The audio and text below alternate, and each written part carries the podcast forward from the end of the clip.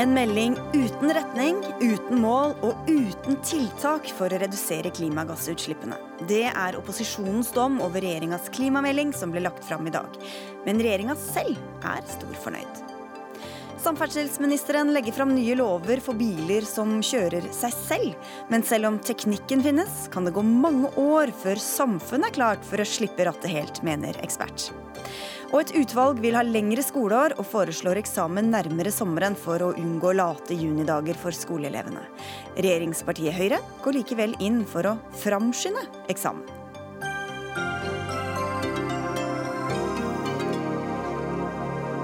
Og det møter reaksjoner. Dem får du her i Dagsnytt 18 på NRK P2 og NRK2. Jeg heter Sigrid Solund.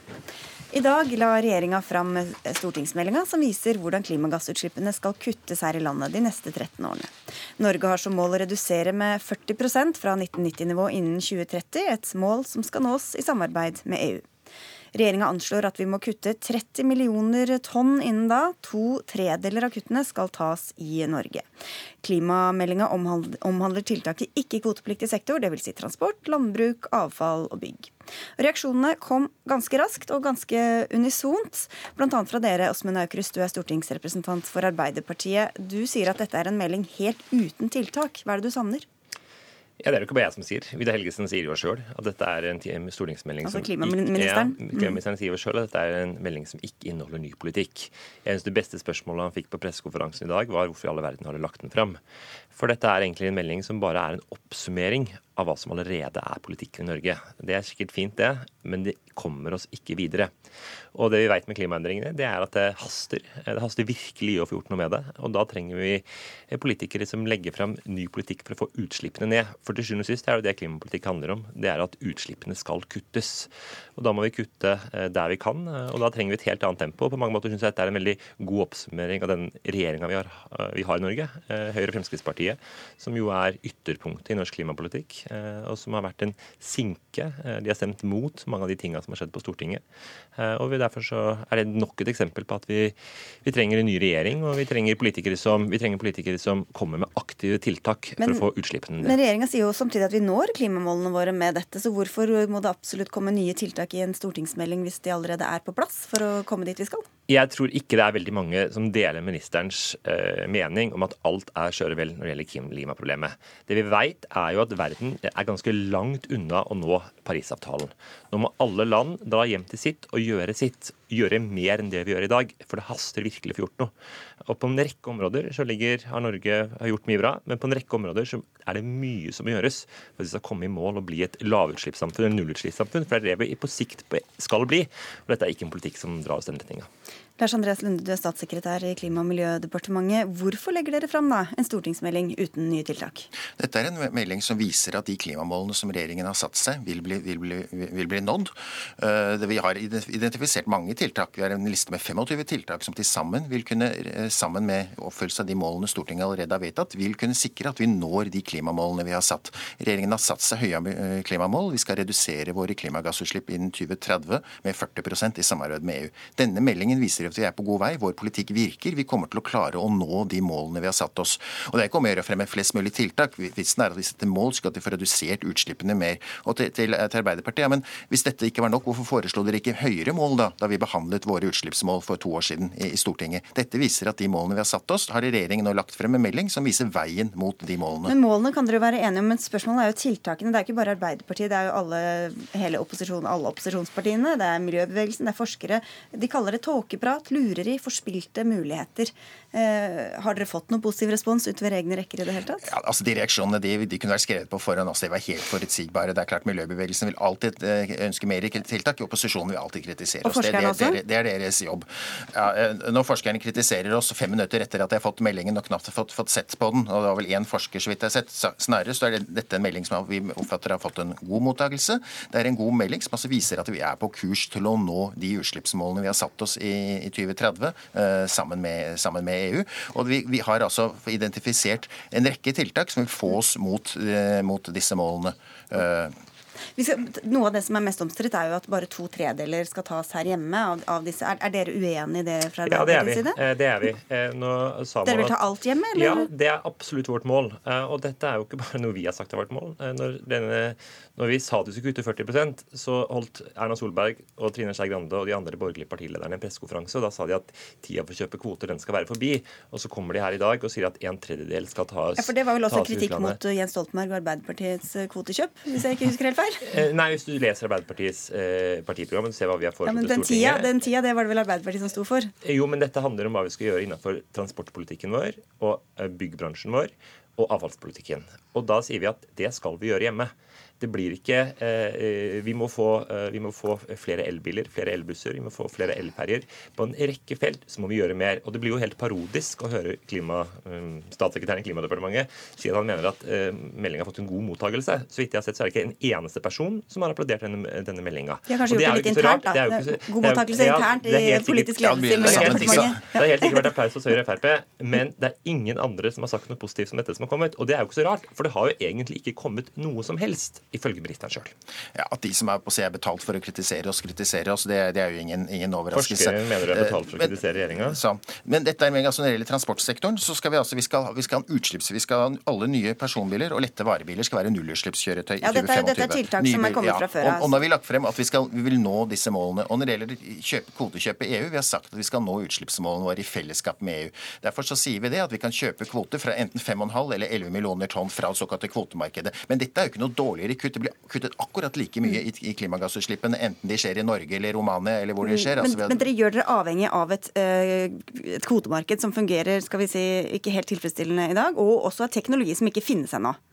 Det er riktig at den teknologiske utviklingen går raskt. Vi har ikke full oversikt over den teknologiske utviklingen. Så vi kan ikke vite om, det, om, dere kommer til å nå disse målene eller jo, ikke? Vi, der, der, derfor er det vi har identifisert ikke bare tiltak som gjør at vi når målene, men vi til og med overoppfyller det med 10 millioner tonn. Vi har identifisert tiltak på 35 millioner tonn, mens vi altså trenger 20-25 millioner tonn for å nå målene i Norge. Og det er nettopp for å ta høyde for den usikkerheten.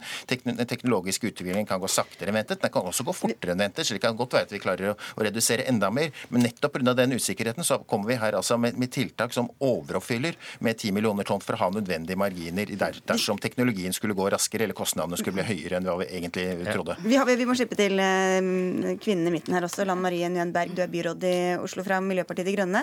For en gangs skyld helt enig med Arbeiderpartiet, i hvert fall i kritikken? Vel, jeg vil si at eh, det er litt spesielt her å sitte her og høre på Arbeiderpartiet sin kritikk av denne klimameldingen. fordi den er egentlig bare en videreføring av det som Arbeiderpartiet gjorde i regjering og har gjort helt siden 1990-tallet, nemlig å tåkelegge klimapolitikken og fortsette å, eh, å, å, slippe ut utslipp. Norge er et av de eneste landene i Europa som fortsatt øker utslippene sine. Og, eh, og, og det må vi bare slutte med, fordi klimahandling Det gikk vel ned i fjor, gjorde det ikke det? Um, ja, men vi er fortsatt, Norge er fortsatt et av de eneste landene i Europa som har økt utslippene sine siden 1990, mens resten av Europa kutter. Regjeringen kaller dette her en strategi, men jeg syns det er litt spesielt å kalle det en strategi når det egentlig bare er en oppramsing av mål, men ikke tiltak for å faktisk kunne nå de målene. For så er det et mål at personbiltrafikken skal kunne gå ned. Nei, altså at personbiltrafikken ikke skal øke inn til de store byene. Samtidig så vedtar regjeringen, og noe som også Arbeiderpartiet støtter, at man da skal bygge ut E18 inn til Oslo, som vil øke trafikken. Så det er ikke sammenheng mellom mål og handling. Og det er det vi har sett i norsk klimapolitikk helt siden 1990-tallet. Man har snakket om at det er vår tids viktigste sak, men man er ikke villig til å gjøre noe. Og det er nettopp det som Miljøpartiet De Grønne eh, ville når vi gikk inn i byrådet i Oslo. Vi ville faktisk kutte utslipp, og det er det vi gjør med en ekte strategi, med ekte tiltak, der hvor vi viser hvordan vi skal kutte dem. Og det var det jeg skulle ønske denne strategien her var. Og så lurer jeg jo på, da, når Arbeiderpartiet sier Skal vi ta én ting av gangen, så tar vi Arbeiderpartiet-kritikken etterpå? Ja, bare tiltakene. Altså, denne meldingen viser jo at de tiltakene vi har vedtatt, virker. Altså, De tiltakene vi har vedtatt, vil gi oss utslippsreduksjoner på ca. 16 millioner tonn. Men alt er bare framskrivninger og måte, hva skal vi si, kvalifisert gjetting? Ja, alt er jo fremskrevet når Vi skal måle utslippene frem mot 2030. Men, men uh, de, de, viser at disse tiltakene virket. Disse tiltakene fører til at vi kutter klimagassutslippene med 16 millioner tonn i, i, i forhold, de, for å oppnå de målene Stortinget allerede har vedtatt. I tillegg så kommer vi da alle tiltak med en pris under dagens CO2-pris omtrent, føre til ytterligere reduksjoner på 18 millioner tonn. Slik at vi vil nå de klimamålene med stort sett med de tiltakene og den politikken som allerede regjeringen fører. Og så skal vi ytterligere supplere med ytterligere, ytterligere tiltak, for vi skal må de målene som er satt. Bare til, til noe av dette som handler om de hjemlige kuttene. For dere, vel, dere, mener vel også at vi skal ta alle kuttene hjemme, Nønberg. Og nå har vi jo sett resultatene på noen av de forsøkene, bl.a ganske omstridt biodrivstoff, som ikke vi skal gå inn i den debatten her, men som viser litt hva som kan skje også hvis vi skal kutte alt hjemme. Hvorfor er det da viktigere å kutte alt hjemme enn å se hvor det er mest kostnadseffektivt og mest eh, treffsikkert å, å kutte klimagassutslippene, som er jo globalt ja. problem? Jeg mener at det er viktig å, å, kutte hjemme nettopp fordi at vi må omstille Norge, og ikke bare bidra til at resten av Europa omstiller seg. Det dette her betyr, er jo praksis at istedenfor å ta utslippskuttene hjemme, så skal vi betale for enøktiltak i f.eks. Portugal eller en T-bane i Polen eller vindmøller i Finland, istedenfor at Norge da bygger opp de grønne arbeidsplassene og den grønne næringen hjemme, og samtidig omstiller oss. Og så ser vi også i Oslo at eh, det å gjennomføre god klimapolitikk i Oslo gjør også byen bedre å leve i. Det å redusere biltrafikken, satse på kollektivtransporten, eh, få faset ut oljefyr og få CCS på Klemetsrud, det er bra for byen vår, og det skaper også eh, både oppslutning rundt klimapolitikken og grønne arbeidsplasser. Og så var det Arbeiderpartikritikken du skulle, du skulle få komme med? Nei, men altså Det vi ser, er jo at eh, både Høyre og Arbeiderpartiet de feiger på en måte ut når det kommer til de vanskelige valgene som man må gjøre. Jeg lurer jo på hva det er Arbeiderpartiet vil gjøre annerledes enn det Høyre vil. Fordi Arbeiderpartiet og Høyre er så vidt jeg kan se, helt like i oljepolitikken, helt like i samferdselspolitikken. Både Høyre og Arbeiderpartiet ønsker å bygge ut E18 inn til Oslo. Det har Åsmund Aukrust selv sørga for at Arbeiderpartiet skal være med på, selv om han er miljøpolitisk talsmann i uh, Arbeiderpartiet og det bekymrer meg. og Det er nettopp grunnen til at vi trenger å få en stor grønn gruppe inn på Stortinget for ja, ja, ja. å vri dette her. Men fordi at eh, vi lar jo oljepolitikken ligge, dette er, ikke egentlig, det er jo ikke en del av den eh, meldinga som kom i dag. Men hva er egentlig, altså, når vi ser på transportsektoren, da, som er den viktigste sektoren her, så er det vel ganske like tiltak dere har, og som Høyre og regjeringa har, og Fremskrittspartiet har? Nei, jeg syns ikke det. De har en politikk som ikke kommer med nye forslag på hva de bør gjøre. Ta ett eksempel. I Sogn og Fjordane har de fått verdens første elferje. Hele verden kommer til Sogn og Fjordane for å se på den. Det er jo utrolig flott og utrolig imponerende. Men tenk hva vi kunne gjort hvis vi sa at alle ferjene i Norge vi skal bytte ut, skal, ha, eh, skal gå på elektrisitet. Det hadde gjort mye for Det har dere programfesta? Ja, det har vi programfesta. Foreslått det på Stortinget eh, og blitt nedstemt eh, gang på gang av de borgerlige. Det er klart, det ville jo ha gjort mye med norsk klima, klimautslipp og vært god klimapolitikk. Men det ville også skapa mange arbeidsplasser. Blant blant hele Vestlandet, hvor man jo eh, Men det er ett tiltak blant veldig mange tiltak, så kan han eh, komme med nye andre tiltak. Nei, ja, det er tiltak regjeringen har gjennomført. Nei, det stemmer jo ikke. Elfergen kom selvfølgelig at vi satte krav til fergene, og Nei. vi stilte krav til riksveifergene fremover. Samferdselsministeren har satt krav til at alle nye riksveiferger skal være, skal være elferger. Så er det riktig at så er, så er mange av eh, fergene er jo i drift av fylkeskommunene, slik at det vil også oppfordre fylkeskommunene til å også sette krav til at alle deres nye ferger skal være el- eller hydrogenferger, altså utslippsfrie ja, ferger. Og det bidrar vi med fra statens side gjennom bl.a. Enova. Ja, men dere må også bidra med å betale. Og Vi har foreslått, vi har foreslått et eget fond for eksempel, som skulle gå på 100 millioner for å få eh, skifta ut ferjene i Norge. Skaffe arbeidsplasser, kutte klimautslipp og skaffe en norsk eksportartikkel. Men så må jeg bare si, jeg må bare si til statssekretæren også, fordi jeg må innrømme at når jeg hører han, så er det på en måte oppskriften på, at, eh, eh på en dårlig klimadebatt. Eh, fordi det er en bruk av tall og begreper som gjør at jeg tror veldig mange detter fra. Jeg mener at dette er en tåkelegging av debatten, fordi Høyre og Fremskrittspartiet vil tåkelegge sin mangel på klimapolitikk. Og I tillegg så blir jeg også veldig bekymra eh, når alle verdens ledere sier at dette er fryktelig alvorlig, det haster, vi må gjøre mer. Og så sitter statssekretæren og sier at vi er egentlig i mål, vi behøver ikke gjøre noe som helst. Det er ikke det han sier. Han sier at de skal nå målene sine med de tiltakene som er planlagt. Alt er kjøre vel i Norge. Vi trenger ingen ny politikk for å nå målene. Det er bare tull. Vi trenger mye ny politikk i Norge. Du skal få ordet, Nønberg. Må Lunde få svare veldig kort. Ja, altså, vi, vi, vi når de målene vi har satt oss, mål som Arbeiderpartiet støttet. Og det viktigste er at vi får kuttet klimagassutslippene med 40% innen 2030. Det var Arbeiderpartiet enig i. Men hvis, hvis, du mener at vi skulle gå enda lenger, hvorfor har dere ikke foreslått det? Blir det ikke, akkurat at du skulle kjøpe kvoter for om lag 40 i samarbeid med EU, og det blir også en del av europeiske kvotemarkedet. Saken er at Arbeiderpartiet har jo ikke fremmet ett konkret forslag for å gå lenger. De har jo ikke fremmet Arbeiderpartiet har jo, har jo ingen klimapolitikk. Okay, da må vi høre med Nønberg. Nå er det nærmest seg slutten. Hvor tror du vi ender med, med den politikken vi fører nå? Kommer vi til å nå målene vi har satt altså, oss? Altså, hvis de to her får bestemme, så kommer vi jo ikke til å nå målene. fordi begge deres partier har over tid bidratt til å tåkelegge klimadebatten og gjøre alt man kan for å ikke ikke nå klimamålene, ikke omstille Norge, og ikke minst eh, skjerme norsk oljenæring fra klimapolitikk. Og jeg syns det er ganske spesielt at vi ikke snakker om olje her, for vi, sier at vi, vi snakker her om Vi snakker veldig ofte om olje ellers. vi snakker ellers. om 30 millioner kutt innen 2030, mens ø, den oljen vi produserer, som brennes i utlandet, står for 500 millioner kutt i året. For å sette det i perspektiv. Ja, jeg mener jo at eh, eh, det er, jeg, jeg, Og der er dere helt like for oljepolitikken, eh, Høyre og Arbeiderpartiet. Jo, men jeg, jeg hører jo eh, kritikken fra MDG. Jeg syns kanskje den er litt spesiell, i og med at det kommer fra miljøbyråden i Oslo for Raymond Johansen fra Arbeiderpartiet. Og Ja, jo dere er venner i Oslo, jo- men uvenner på Jeg syns jo at eh, det Oslo gjør, skal de ha veldig mye skryt for. og De har jo blitt Europas eh, miljøhovedstad. Det er jo sånn at Ja, Oslo har større ambisjoner for klimapolitikken enn hva regjeringa har for hele landet. Men nå må vi avslutte. Du får få eh, fem sekunder på tampen her, eh, Lunde, siden det var litt, Ja, litt homotent. Ja. Ja, altså vi skal nå, nå målene, så skal vi samtidig da, Riktig at vi tar inn altså de mulighetene vi er åpne for for å kjøpe, ved å få kvoter fra det europeiske kvotemarkedet. Vi legger til at hovedsaken, mer enn to tredjedeler av disse kuttene skal vi ta innenlands. Vi også legge frem tiltak som vil overoppfylle våre kutt gjennom tiltak i, i Norge. Så hovedvirkemidlet her vil være utslippskutt i Norge. Vi vil nå utslippsmålene våre gjennom stort sett tiltak i Norge. Du, vi må nesten sette strek der og si takk for denne runden. Lars Andreas Lunde, statssekretær, Åsmund Aukrust fra Arbeiderpartiet og Lan Marie Nguyen Berg fra Miljøpartiet De Grønne. Dagsnytt 18 alle hverdager klokka 18.00 på NRK P2 og NRK2.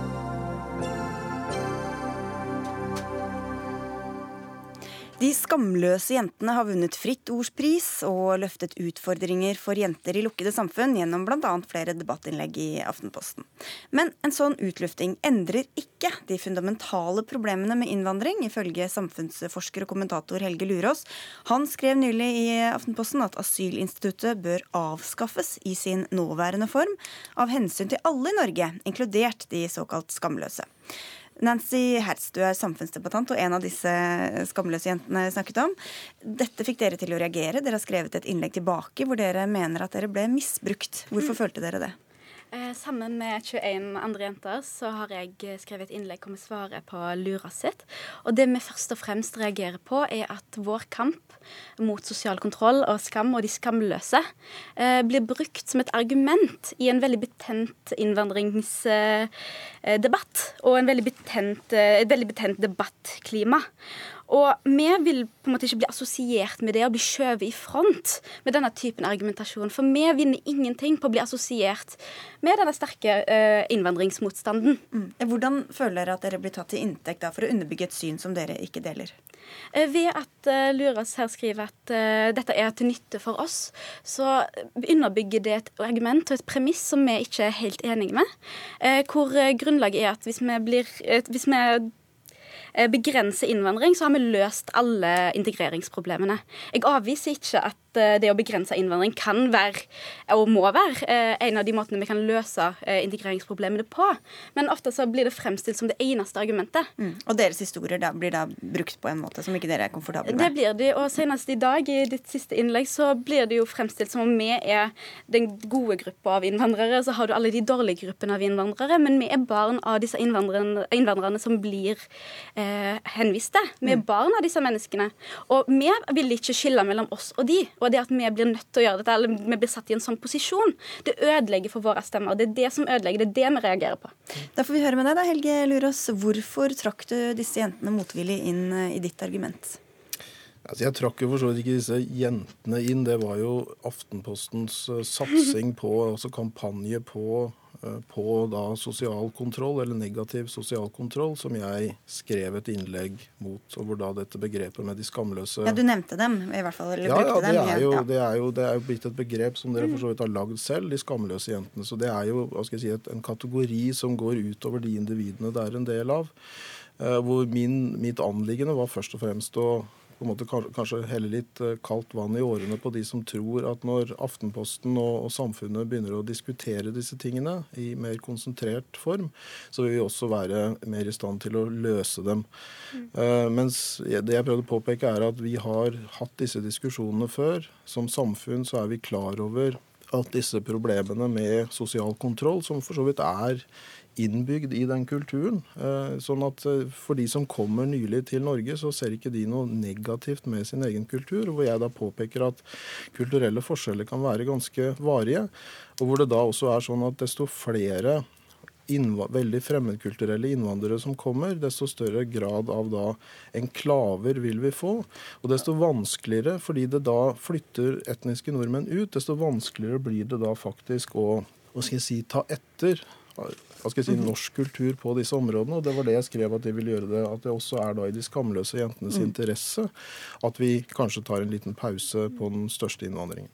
Og det å skrive at det er i vår interesse, det er jo det vi reagerer på. For vi ser jo på det å skille mellom de innvandrerne som kommer, og denne gruppa som har vært her lenge, som kanskje ikke er like integrerte, som må jobbe med det som et problem. For det er ikke sånn at vi som snakker om disse tingene, er heltinner, som vi for så vidt blir beskyldt for. Og den typen argumentasjon gir jo enda mer olje på bålet til de som vil beskylde oss for disse tingene. Det er ikke sånn at vi er heltinner, og de vi kritiserer, det er de som er de onde. Mm. Vi kritiserer fordi vi bryr oss. Men dere har blitt et innarbeidet begrep, som Lurås eh, sier, og kanskje har mista litt av den eh, eierretten til hver enkelt historie som dere selv kommer med? At det er blitt noe mer enn en, en individene til sammen? Så absolutt. Og vi er jo en bevegelse, men det er viktig for oss at vi får lov til å være mangfoldige, at vi får lov til å ta del i det multikulturelle, at vi er inkluderende. Og denne oss og de-retorikken den gjør at vi ikke kan være det. Og det skader vår sak, det skader våre stemmer. Og Det er derfor det er viktig for oss å si ifra. Det er derfor det er viktig for oss å argumentere imot. Og si at vi støtter ikke denne argumentasjonen. Og jeg tenker òg at det er viktig å få fram at vi som tar opp disse diskusjonene, som tar disse kampene, med et bevis på at forandring fungerer. Med et bevis på at det går an å integrere seg uten å bli assimilert. Men vi er både òg, vi er ikke enten-eller. Men da må jeg høre med deg, det lurer oss, Hvordan bidrar disse skamløse jentene til å kanskje framstille virkeligheten annerledes enn sånn som du mener at den er? Nei, altså det er Jeg påstår ikke at uh, alle som kommer her som innvandrere Men at det kan gi et litt forvrengt bilde ja, av virkeligheten? Det, ja, nei, altså jeg, jeg, støtter fullt ut. Jeg, hadde vi hatt hadde vi hatt flere av innvandrere med den intensjonen om å integrere seg og assimilere seg, i hvert fall på visse områder, så hadde også min skepsis til masseinnvandring vært mye mindre. Men du er vel også enig i det at det, dere er ikke det eneste fenomenet i innvandrermiljøene. Det er stor motstand også mot det dere gjør, og det har kanskje til dels gått i feil retning eh, i forhold til at hva skal jeg si, de ikke-norske praksisene faktisk nå brer om seg, og at en av årsakene til det er at det blir flere. Det blir så mange at vi ikke mm. klarer å foreta den absorberingen inn i vårt eget samfunn som jeg ønsker. Så absolutt, og Jeg avviser ikke at vi har utfordringer. Det vi har reagert på, er jo at denne typen retorikk eh, og den typen støtte den bidrar ikke i rett retning. I stedet for å øke handlingsrommet vårt, i stedet for å øke ytringsrommet vårt, så er det med på å begrense det. For vi blir assosiert med meninger som vi kanskje ikke har. Vi blir beskyldt for å være mot innvandring eller mot uh, en viss gruppe mennesker for å skape mer stigmatisering, når vårt mål er å skape fellesskap. Mm. Men kan det være at dere bidrar til å dekke over problemet? At vi liksom leser om de skamløse jentene og alt det andre som Aftenposten har skrevet om, og tenker sånn nå er vi virkelig på rett vei, nå, nå kommer det til å gå bra? Vi er jo ikke løsningen. Vi er mennesker som jobber for å komme fram til løsningen. Det er ikke sånn at alle skal bli som oss. Det er ikke sånn at alle skal bli som meg. Det er ikke det vi jobber med. Det vi jobber med, er jo både med å informere, vi har et opplysningsarbeid som er kjempeviktig, men òg med å skape et fellesskap. Og med å gjøre at folk vil være en del av det norske samfunnet. Og den typen retorikk som gjør at folk føler seg fremmedgjort hvis jeg som ser ut som jeg gjør, og snakker som jeg gjør, føler meg fremmedgjort. Hva med de som ser annerledes ut og snakker annerledes? Ja, At du lager en sånn de er gode innvandrere, og de er dårlige innvandrere, lurer oss. Ja, altså jeg, jeg, ser, jeg, jeg, ser på, jeg, ser jeg ser at, kan, at, jeg kan bidra, eller at når man tar opp disse problemene, at man kan bidra til en sånn vi-dem-tenkning, at her har vi grupper. Men det underliggende er jo at disse gruppene og disse kategoriene og ulike kategoriene, de eksisterer altså før jeg og andre begynner å snakke om dem. Eh, og vi prøver, er kanskje i den, den fasen hvor ja, å snakke om det kan øke problemene, men vi har jo hatt da erfaring med at å ikke snakke om det løser heller ikke problemene. Så her har vi et dilemma. Og jeg jeg, syns kanskje det at skal jeg si, det, det, det, må være mulig også å snakke om dette i generelle termer uten at si, uten at det blir tatt personlig, eller at det, uten at det i hvert fall blir forstått som et retorisk grep. Det var det ikke ment som fra min side. Det var ment som et forsøk på å klargjøre debatten. Men jeg, for, jeg forstår at det kan gjøre situasjonen for dere vanskelig, vanskeligere. Men her snakker vi om de utfordringene vi har som et helt samfunn. Og i og med at dere har gått ut såpass offentlig, at dere har blitt et begrep, at dere er en, dere er en kategori nå i samfunnsdebatten, så må det også være mulig for, for oss å, å snakke om det. Men dere opplever at det mange andre ganger også har blitt tatt til inntekt for et syn på, på begge sider? Det som skjer, for Dette handler ikke om et enkelttilfelle, dette handler om noe som skjer. Uh, og kanskje ikke veldig regelmessig, men det skjer. Og jeg tror det er viktig at vi er tør å være nyanserte, at vi tør å være prinsippfaste. Og Det er bra at vi snakker om det, det er viktig, men vi kan prøve å være spesifikke, vi kan prøve å være nyanserte. Og Vi er òg en del av dette samfunnet, vi er en del av denne samfunnsdebatten. Og sosial kontroll er et samfunnsproblem. Og vi kan ikke løse det ved å stigmatisere grupper som er allerede stigmatiserte, enda ytterligere. Da er dere i hvert fall blitt, eh, blitt en, eh, en, stemme å regne med i samfunnet, kan vi i hvert fall forstå. Takk skal dere ha begge to for at dere kom til Dagsnytt 18. Helge Lurås og Nancy Herz.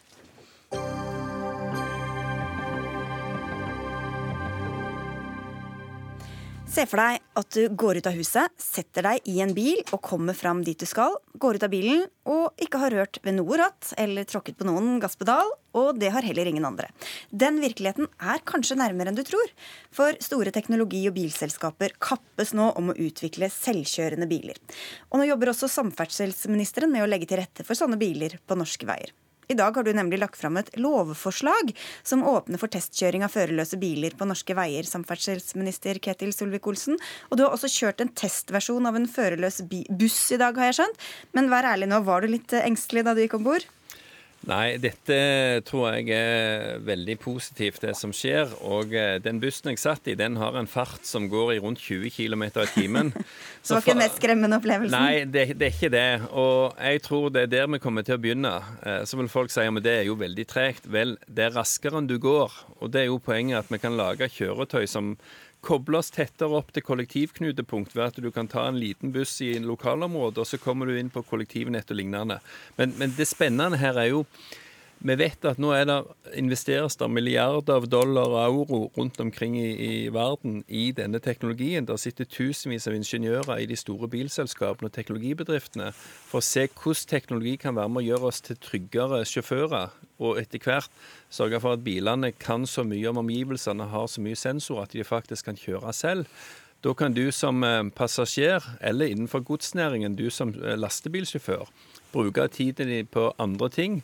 Det blir vel ikke så mange lastebilsjåfører igjen da, hvis eh, de skal ha førerløse trailere? Altså, ja, jeg, det er mange som, som, tenker sånn at uh, blir det førerløst, så forsvinner, så forsvinner dagens sjåfør. Men tross alt, de har en del oppgaver der de kommer til med lasten og lignende. Men sånn som en del av bilselskapene som lager tungbiler, de ser jo for seg at mens bilen kjører på motorveien, så skal du som lastebilsjåfør kunne gjøre papirarbeid forberede deg og lignende. Sånn at du har fortsatt oppgaver du skal løse.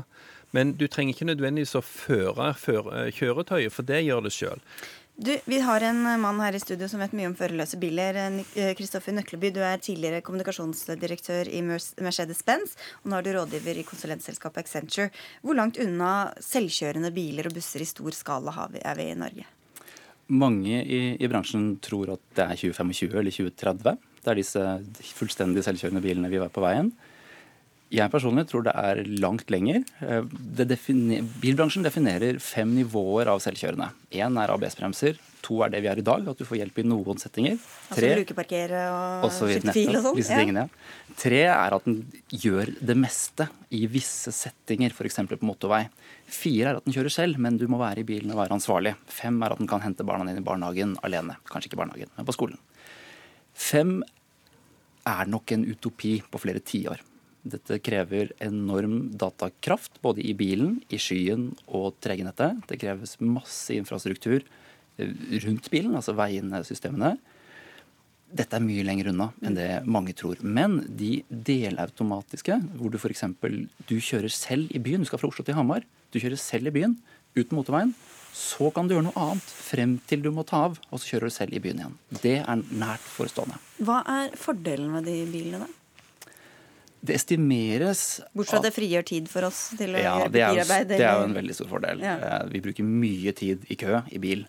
Det estimeres at når disse fullstendig selvkjørende bilene kommer, så vil ulykkesantallet kunne gå ned med 90% Det er i seg selv noe som gjør det verdt det. I tillegg til en rekke andre fordeler. Altså Bilene kan brukes hele tiden. De fleste biler står i dag 90% av tiden. Det vil rett og slett være en enorm effektivisering av trafikkflyten. Men så er det mange som blir litt engstelige. tenker Hvor trygt hvor sikkert er dette at disse datamaskinene skal kjøre for meg? Vi liker jo best å tro at vi er de beste sjåførene alle sammen. Ja, og det er, det er menneskelig. Det, sånn er det, og det er vi enn så lenge. Altså i dag, De, de beste bilene i dag kan gjøre det meste selv, si 95% av tiden. Problemet er at du kjører bil, det er hastighet. 5 er ikke i nærheten av godt nok. Men de siste fem Først må det teknologiske gapet tettes. Så må man overbevise gjennom testing. Så må folk få en trygghet på at dette her faktisk er bedre. Og da kan du begynne å tillate det i stor skala.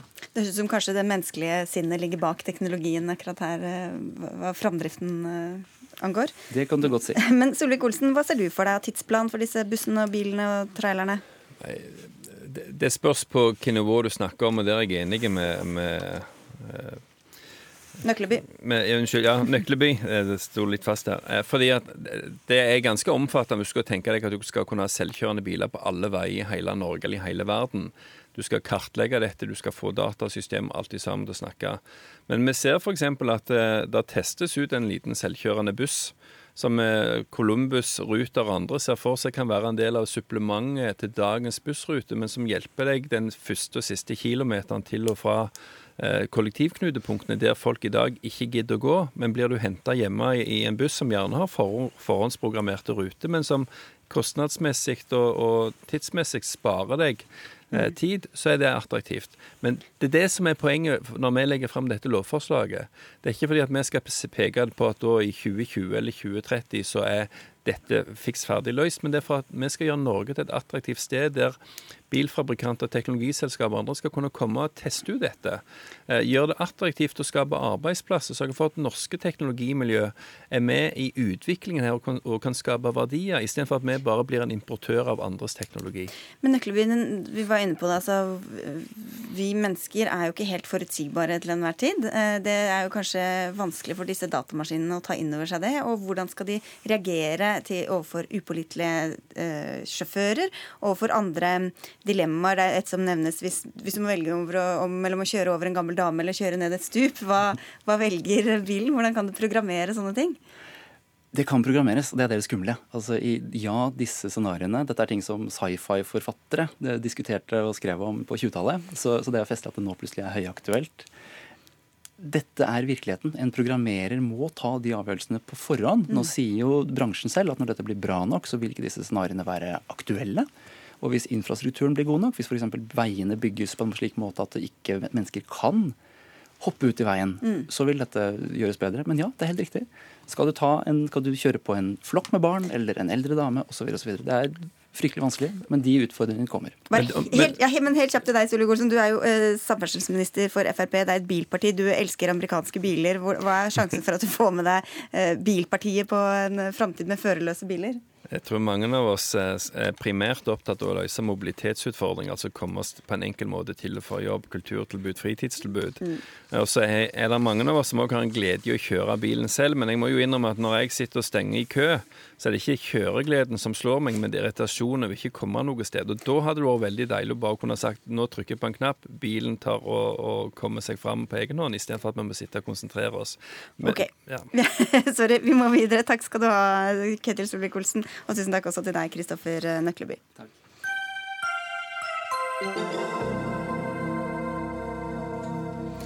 Nynazistene i den nordiske motstandsbevegelsen får likevel ikke demonstrere i Fredrikstad i juli, besluttet politiet i går, og begrunnet det med fare for alvorlig forstyrrelse av ro, orden og lovlig ferdsel. Ikke fra nazistene, men voldelige enkeltgrupperinger av motdemonstranter. Den nordiske motstandsbevegelsen fikk i utgangspunktet lov med begrunnelse i ytringsfriheten. Og at de nå ikke får det, er et stort problem for den samme ytringsfriheten, sier du, Janine Kierulf. Du er jurist og fagdirektør ved Norges nasjonale institusjon for menneskerettigheter. Du sa dette til Filter nyheter i dag. Hva er det problematiske? Det problematiske er hvis eh, motytringer tar form av eh, voldelige handlinger.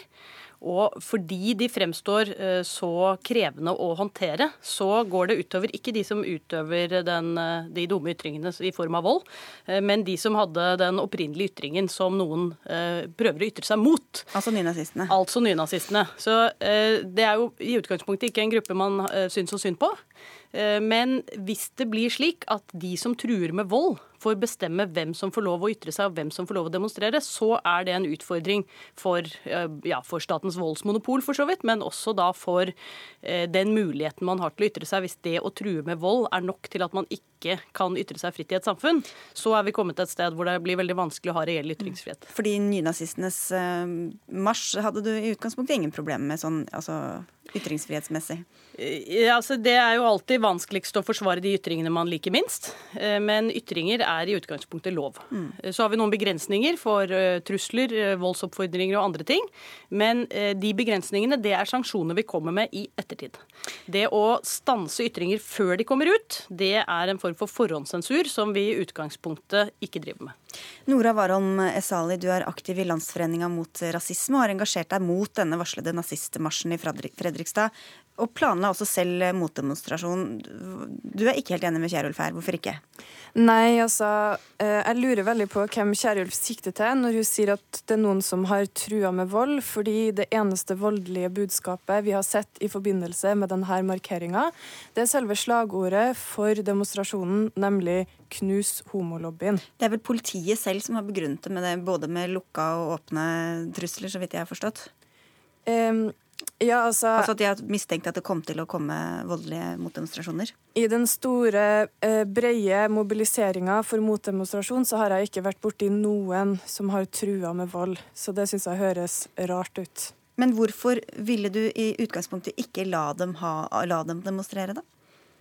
Jeg og Kjerulf har litt forskjellig tolkning av det her eh, med hatparagraf. Fordi jeg mener det at knus homolobbyen når det kommer fra den nordiske motstandsbevegelsen, så er det ikke noe retorisk grep. Det er faktisk noe de helt reelt ønsker å gjøre. Det er en organisasjon med mange som er voldsdømt. Den vurderes som en terrororganisasjon av en del svenske forskere. Eh, de har eh, kamptrening, og er, her er det faktisk snakk om noen som oppfordrer til voldsbruk, da, ikke ren meningsytring. Ja, Det er jo ikke enkle spørsmål, dette. Og det er klart at det finnes grenser også for hva det er eh, lovlig å demonstrere eh, for. Eh, men det jeg har uttalt meg om i dag, det er jo den, det vedtaket politiet har gjort, som da baserer seg på at de mener at dette er beskyttet av ytringsfriheten, og de har i utgangspunktet tillatt demonstrasjonen. Så har de endret synspunkt av hensyn til til samfunnssikkerheten. Og Det begrunner de da i, og det har ikke jeg noe grunnlag for å overprøve, Eh, at det er kommet frem konkret informasjon som tilsier at det er en betydelig risiko for organiserte ordensforstyrrelser og potensielt voldelig motstand fra enkeltgrupperinger av motdemonstranter. Holdbarheten i den vurderingen den kan ikke jeg eh, overprøve, men det er det jeg har forholdt meg til. Det som er en, en, eh, si, en formildende omstendighet her da, i, i, eh, den vurderingen politiet har gjort, det er jo at dette gjelder én særskilt dato, nemlig Olsok den 29. juli, som politiet anser som en særlig vanskelig dag å håndheve eh, samfunnssikkerheten på i forbindelse med denne demonstrasjonen. De inviterer jo til at denne demonstrasjonen kan skje en annen dag, etter dialog med den personen som da har søkt om å få avholde demonstrasjonen. Men tror du ikke at det nå, jeg vet ikke hvor mange nynazister som hører på Dagsnytt 18, men at eh, både all medieoppmerksomheten og alt det andre kan gjøre til at det blir enda større mobilisering og mulighet for polarisering også i forbindelse med en demonstrasjon en annen dag? Jo, og det vil jo være en utfordring, men da får man jo heller mobilisere større sikkerhetstiltak. Mm. Eh, den eneste måten samfunnet kan ta til motmæle mot ytringer vi ikke liker, hvis vi da har ytringsfrihet og ikke ønsker å forhåndssensurere ting og forby alt mulig rart, det er jo at folk mobiliserer og tar til motmæle mot det vi er uenig i. Skulle du ønske, Sali, at det, at det hadde vært eh, mulig for politiet å ha større oppbud der, og sånn at de kunne beskytte både demonstrantene og motdemonstrantene, og dere fikk sagt hva dere mener? Altså, Hvis det er snakk om eh, en markering av holdninger som jeg er uenig med, men som ikke er voldelig, så syns jeg selvfølgelig at det skal være lov i et åpent og demokratisk samfunn. Men det som er synd i denne debatten, er at vi snakker om to parter. Vi snakker om demonstranter og motdemonstranter. Dem vi ikke snakker om, det er dem som er målet for hatytringene, som er selve innholdet i denne markeringa, nemlig skeive. Så jeg skulle ønske at neste gang vi får en sånn her debatt, så er det det vi diskuterer, og ikke den her eh, liberale dilemmaet og de veldig få eh, voldelige høyreekstreme gruppene. Man kan alltid ønske at debatter eh, handler om andre ting som man selv er mer interessert i, men, eh, men denne, utgangspunktet for denne diskusjonen er jo denne saken om eh, dette ytringsfrihetsspørsmålet. Og den måten man kan markere avstand og, ta støtt, og støtte nettopp de som blir utsatt for denne type ytringer, som da politiet mener ikke kvalifiserer til hatytringer, det er jo å ta til motmæle og vise avsky overfor det man selv mener er uholdbart. Det liberale dilemmaet, det var vel et lite spark til deg, Kjærulf, som, som du diskuterte, eller drøftet litt med Filter nyheter i dag? Ja, det handler jo da om at uh, i den grad man bruker demokratiske virkemidler for å argumentere mot demokratiet, så er det faktisk lov. Det kan være noe vi ikke liker. Eh, men det er den prisen vi betaler. Og grunnen til det, det er ikke at vi syns det er så viktig at de skal få si eh, alle disse håpløse tingene. Det er at vi som samfunn må ha stor nok tillit til hverandre som borgere til at dette er noe vi klarer å håndtere selv. Vi kan ikke overlate til staten å regulere alle disse tingene og alle disse problemene bort for oss. Da må jeg høre med deg, da, Varon Mesali, hva hvis det blir en ny dato eh, for en ny demonstrasjon, hva gjør dere da? Vi mobiliserer fortsatt til motdemonstrasjon. Og så vil jeg bare si at jeg syns ikke nynazisme er en håpløs ting. Jeg syns det er en historisk sett en av de skumleste bevegelsene vi har sett i moderne historie. Og, synes, og, det er heller ikke sånn at man blir utsatt for en ytring. Man blir utsatt for hat, og det er det som er kjernen i det her. Da syns jeg at uh, dere skal anmelde denne gruppen for å ha kommet med hatytringer. Det er måten å håndtere den problemet på. Dere får vurdere det. Takk skal dere ha, begge to. Anine Kierulf eh, og Nora Warholm Esali. Hør Dagsnytt 18 når du vil.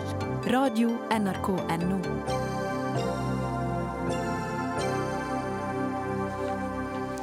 Vi var innom en annen stortingsmelding tidligere i sendinga som ble beskyldt for å være innholdsløs.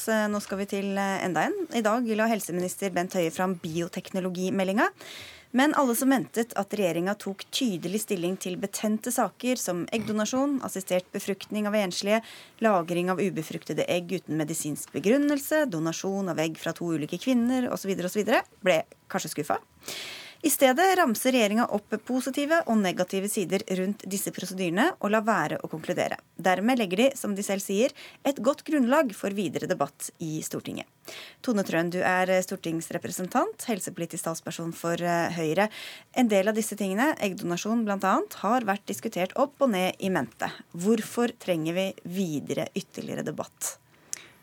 Først og fremst så er jo den meldingen som legger fram i dag, veldig tydelig. Kommer med tydelige anbefalinger og konklusjoner på veldig mange områder. Ikke på de vanskeligste sakene? Nei, men vi må huske at lovverket eh, rundt bioteknologi har ikke vært eh, endret og evaluert siden 2003. Eh, og det er mange, det er nesten 80% av de spørsmålene som trenger en avklaring for å være til det beste for pasienter. Altså Dette vil faktisk eh, gi veldig gode avklaringer for mange. 80% av de anbefalingene eh, kommer jo eh, regjeringen med i meldingen i dag. Og så er det sånn at på noen av disse vanskeligste etiske temaene, som eggdonasjon, eh, som det som rører med litt sånn hvem er jeg, hva er jeg, hvor kommer jeg fra? Disse spørsmålene vet vi at det er politisk debatt om. Og nå får Stortinget endelig muligheten til å diskutere dette på bakgrunn av en bioteknologimelding som drøfter de krevende etiske problemstillingene eh, veldig godt. Ja, Hvorfor skal vi skynde oss så fælt, Torgeir Micaelsen? Du er helsepolitisk talsperson i Arbeiderpartiet. Fordi eh, den eh, medisinske og bioteknologiske utviklingen har gått raskt, har nå tiltatt kraftig i styrke. og mange av de spørsmålene vi burde ha diskutert, som diskuteres i andre land, som vi sikkert kommer tilbake til, er det er ikke mulig å se et råd, en, en, en framdrift fra på, på regjeringens side. Vi står uten et lovverk som egentlig er tilpasset dagens Det er overhodet ikke tilpasset uh, til dagens uh, utvikling. og Det er det jo flere regjeringer som må dele. Jeg har jo selv tatt selvkritikk på vegne av Arbeiderpartiet før, at de ikke klarte å lande flere av spørsmålene nå snart ti år tilbake. Men det er ikke noe unnskyldning for at det nå har gått fire nye år. Og jeg vil også si at utviklingen har tiltatt kraftig styrke. I andre land diskuterer de spørsmål som hold deg fast, mitokondriedonasjon. De diskuterer ulike det her også, gen, de, de, diskuteres hvordan du kan klippe og lime genmaterialet vårt for å kurere alvorlig sykdom. Eh, og her i Norge er vi altså ikke i gang i stand til å oppdatere lovverket vårt, slik at f.eks.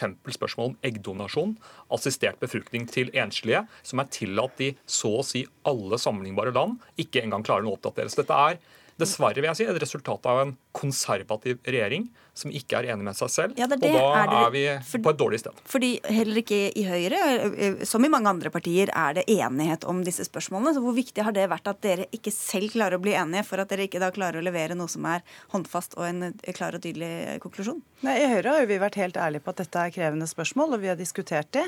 Eh, og skal eh, diskutere det fram mot neste landsmøte når det gjelder disse temaene, særlig eggdonasjon, som, som Torgeir Micaelsen nevner nå. Men det er jo ikke sånn men, men da betyr det at vi står uten et lovverk da, som er tilpassa dagens situasjon, fordi dere ikke klarer å bli enige? Nei, men situasjonen er jo nå at nå har regjeringen lagt fram en stortingsmelding som kommer til Stortinget. Nå skal Stortinget få diskutere disse temaene. Et nytt storting blir det da neste Ja, et nytt storting blir det. Men, men, det er jo en, en etterlengtet melding. Det er, det er, jo ikke sånn at øh, Den store forskjellen er jo ikke om Høyre og Frp i regjering hadde lagt fram en melding med klare konklusjoner på alle områder. Debatten må jo gå i Stortinget.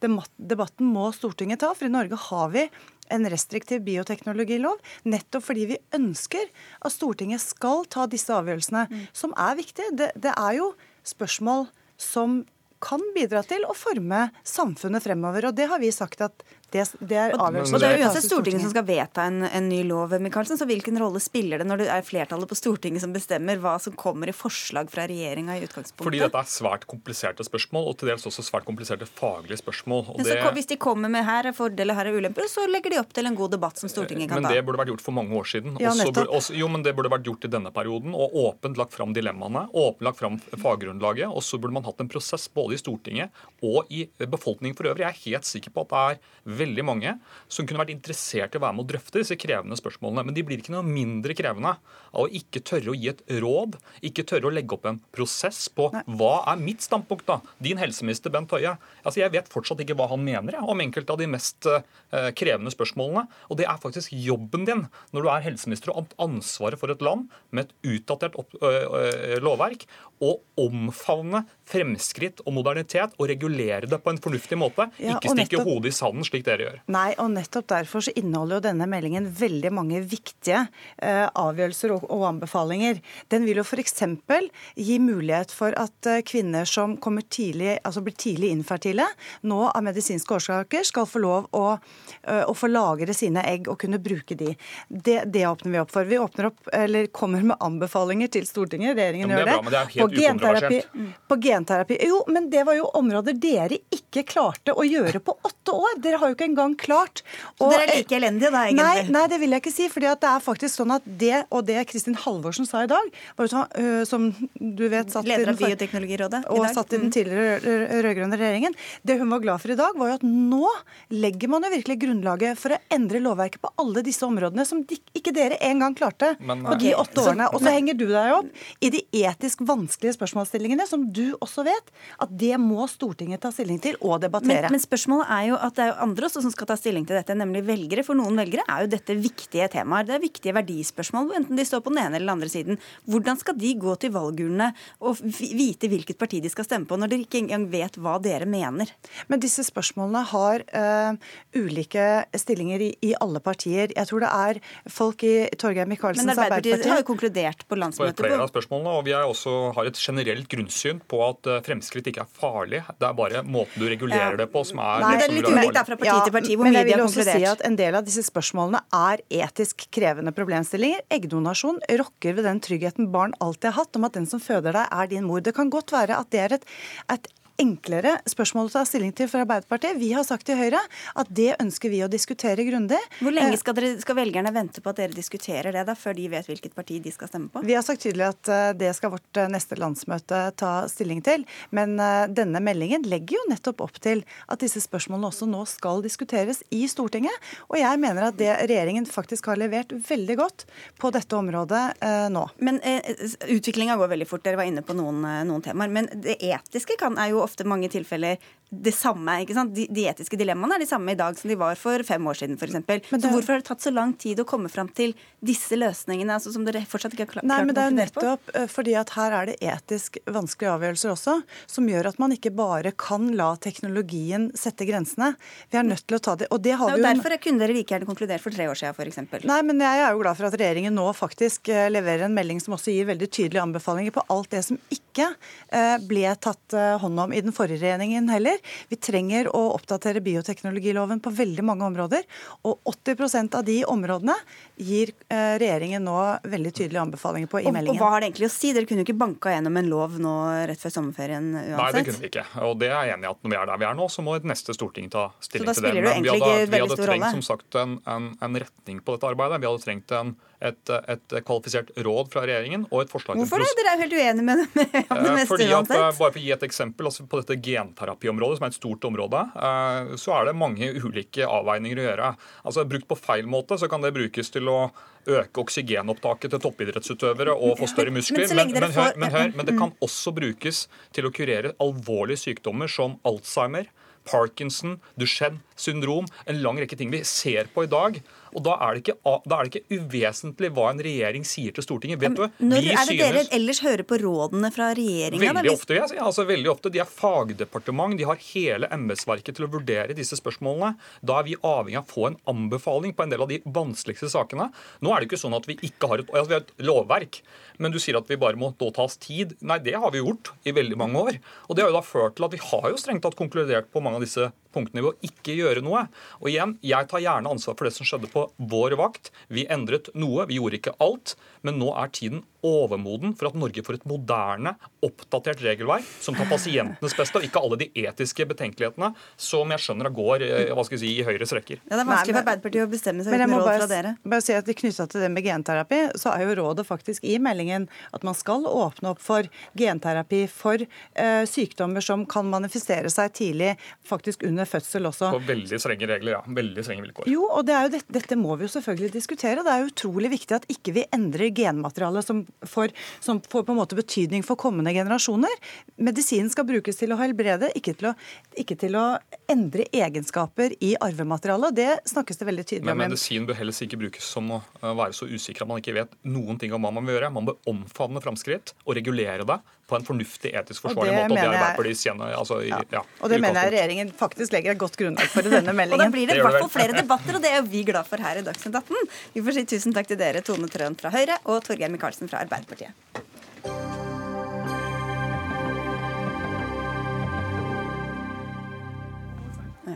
Det har vært sløve dager for mange elever de siste ukene. Etter eksamen er det slutt på undervisninga for en del, selv om skoleåret ikke er over.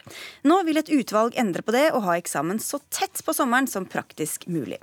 Kunnskapsminister Torbjørn Røe Isaksen fra Høyre fikk rapporten deres i går, men på Dagsrevyen svarte han bl.a. med å si at partiet hans ønsker å ha eksamen tidligere på året og legge den før 17. mai. Og dette fyrte opp deg, Trond Giske fra Arbeiderpartiet. Ekstrempopulisme, kaller du det. Hvorfor det? Altså, dette har jo Høyre hatt i sine programmer jeg tror i 20, nei, 30 år, uh, uten at de har gjort noe med det noen gang når de har sittet med utdanningsministeren. Men det som uh, kanskje provoserte meg mest, var at uh, de nå har satt ned et utvalg for å utrede, og det utvalget konkluderer med at dette hva de sier er et uh, veldig sjansespill med usikkert resultat, og går sterkt imot Høyres uh, forslag. Og så står kunnskapsministeren på TV-en og sier at det er en veldig god utredning og veldig gode anbefalinger, uten samtidig å si at det er en totalslakt av Høyres programforslag. Det syns jeg man skal være så ærlig å si at uh, her får man en faglig vurdering av det Høyre har programfesta for neste periode, som går uh, rett imot det Høyre foreslår, og sier at det er til skade for kunnskap. Utdanningspolitisk talsperson i Høyre, Henrik Asheim. Eh, rapporten sier jo altså at de vil legge eksamen så seint som mulig, og dere vil gjøre det motsatte. Hvorfor det? Ja, Det er fordi vi også tar hensyn til russetiden. Eh, og Det er jo egentlig i tråd med det som Arbeiderpartiets skolebyråd i Oslo, Tonen Tellevik Dahl, er ute i Dagbladet i dag og sier, nemlig at eh, vi også må ta hensyn til den. Eh, og det som er så rart, at vi organiserte oss på en måte hvor man er russ fra midten, slutten av april og frem til 17. mai, akkurat i oppkjøringen til eksamen, og så har man eksamen etterpå. Men vi må ta utgangspunkt i denne rapporten også, eller være innom den. Den sier jo da at, eller den tar utgangspunkt i at elevene ikke får nok undervisningstimer. Mm. Og da blir det enda færre undervisningstimer hvis dere får det som dere vil. Ja, for vi skal gjøre to ting. Det ene er å legge eksamen litt nærmere 17. mai. Men det andre er å flytte russetiden. For det er det, de to tingene som må klaffe samtidig. Men skal politisk styre russetiden? Det er jo det vanskelige med dette. det at Russetiden er jo bare noe som har oppstått, men det har jo pågått i veldig veldig mange år. Og det var jo på slutten av 70-tallet egentlig at Arbeiderpartiet forsøkte å knekke det ved å legge eksamen til etter russetiden. Før det så man, hadde man eksamen, og så var man russ. Og hvis man får til en deal hvor man klarer å legge eksamen til rundt 17. mai, og så har man russetid, og så muntlig eksamen til slutt, så vil det både bety at man har en intensiv og skikkelig undervisning fram til eksamen, mm. og så kan de være russ og feire, og så kan og de. Så passer terrenget og kartet litt bedre sammen, Trond Giske. ja, men det høres jo litt Han jukser jo litt, eh, han Henrik her, fordi at eh, hvis du skal få gjort unna eksamen før 17. mai, som det står i Høyres program, så må du i grunnen begynne like etter 1. mai. Det betyr at du går glipp av hele mai og det meste av juni som undervisningstid. Og Her har vi altså nå diskutert i fire år hvor viktig det er å ha elevene til stede på skolen. Stortinget har slutta seg til å ha et nasjonalt regelverk for fravær. Og så skal man egentlig i prinsippet si at etter 17. mai så skal det ikke være noe mer undervisning. Da skal du få det som du så på Dagsrevyen i går, elever som stort sett driver dank, eller da gjennomfører en enda mer heftig russefeiring. Og det er feil. Vi mister én av fire i det videregående skoleløpet. 15 000 går ut uten å fullføre. Og det siste vi trenger er å gi dem mindre kunnskap og mindre undervisning. Hva skal de egentlig gjøre i den lange perioden. De som, det er ikke alle som er like heftige på russefeiringa og trenger en måned på det, Henrik Asheim. Nei, da, full det, dedikasjon? Heldigvis ikke. Men det er altså sånn, for det første, et utvalget foreslår jo hvordan man kan komprimere eksamen til faktisk å ikke vare i så mange uker som Giske sier nå. Men fortsatt blir det ganske lang tid jo, mellom eksamen og skoleslutt. Altså det, som, det som skjer helt på slutten av året i tredje klasse, det er at på et tidspunkt skal de sette standpunktkarakteren. Den settes eh, i ca. midten av juni, fordi du skal være frist for å kunne klage på den. Man har skriftlig eksamen i slutten av mai, og så har man muntlig i, slutten, i midten av juni. Så det er en dødperiode dødperiode inni der uansett. Og det rare syns jeg er at man syns det er helt logisk at man da er russ før dødperioden begynner, enn at man er russ når det er dødperiode. Og det kan vi gjøre ved å få eksamen tidligere på altså nærme 17. mai, og så russetid etter det. Men vi må ha med oss russen på dette. Men jeg tror de kommer til å være veldig for en sånn løsning. Men nå har du jo fått en faglig vurdering som Kunnskapsdepartementet sjøl har bedt om, med eksperter fra Skole-Norge som sterkt går imot Høyres programforslag. Og da er spørsmålet, Vil Høyre ta konsekvensen av den faglige vurderinga, eller vil man tviholde på sitt om at alle eksamener skal være undergjort før 17. mai, og at resten av mai og juni, eller hele mai da, for så vidt som undervisningstid, faller bort? Mm. Det må jo være det siste vi trenger, når vi vet at 15 000 detter ut av videregående skole hvert år ja, uten å fullføre. Ja, men, ja, men det, altså, det, er jo et spesielt med parti som setter russefeiring foran kunnskap. Det er veldig en, en, veldig god rapport, den ser vi helt bort fra. Er det sånn, Henrik Asheim? Nei, altså det som de også sier i rapporten, er at de trekker frem fra da eh, Giskes regjering styrte, hvor de også fikk et utvalg som så på dette, og hvor bl.a. Lektorlaget anbefalte å gjøre det vi nå foreslår, og som skolebyråden deres også foreslår. Fordi Vi kan godt late som at rusttiden ikke skjer, men det gjør den. Eh, og Da er det spørsmålet skal vi tilrettelegge på en sånn måte at rusttiden ikke kolliderer med oppkjøring til eksamen, eller skal vi ikke gjøre det? Og Derfor så mener jeg det er helt riktig å nå uh, flytte eksamen noe nærmere 17. mai, og så ha russetid etter det. Men da legger du, bare opp til en... Skal flytte foran. Du må være ærlig. Det står i Høyres program at alle eksamener skal være unnagjort før 17. mai, ikke flytte den noe nærmere 17. mai. Du bløffer. Det, det vi sier, er at vi skal ha eksamen før russetiden. Ja, altså før 17. mai. Før 17. mai står det i programmet. Men, eh, men, eh, det er jo ikke alle som, som jeg var inne på, det er ikke alle som, som feirer russetida. Så hvorfor skal liksom de mest utagerende russene lage skoleåret liksom for alle andre, Henrik Asheim? Nei, altså dette her er jo en bekymring vi møter på veldig mange skoler vi er ute på, særlig i og rundt de store byene. Altså Russetid er jo noe som veldig mange feirer, i varierende grad selvfølgelig. Men faktum er at man har jo prøvd veldig lenge Aps løsning, som var å prøve å drepe russetiden med å legge eksamen etterpå. Det fungerte jo ikke spesielt bra.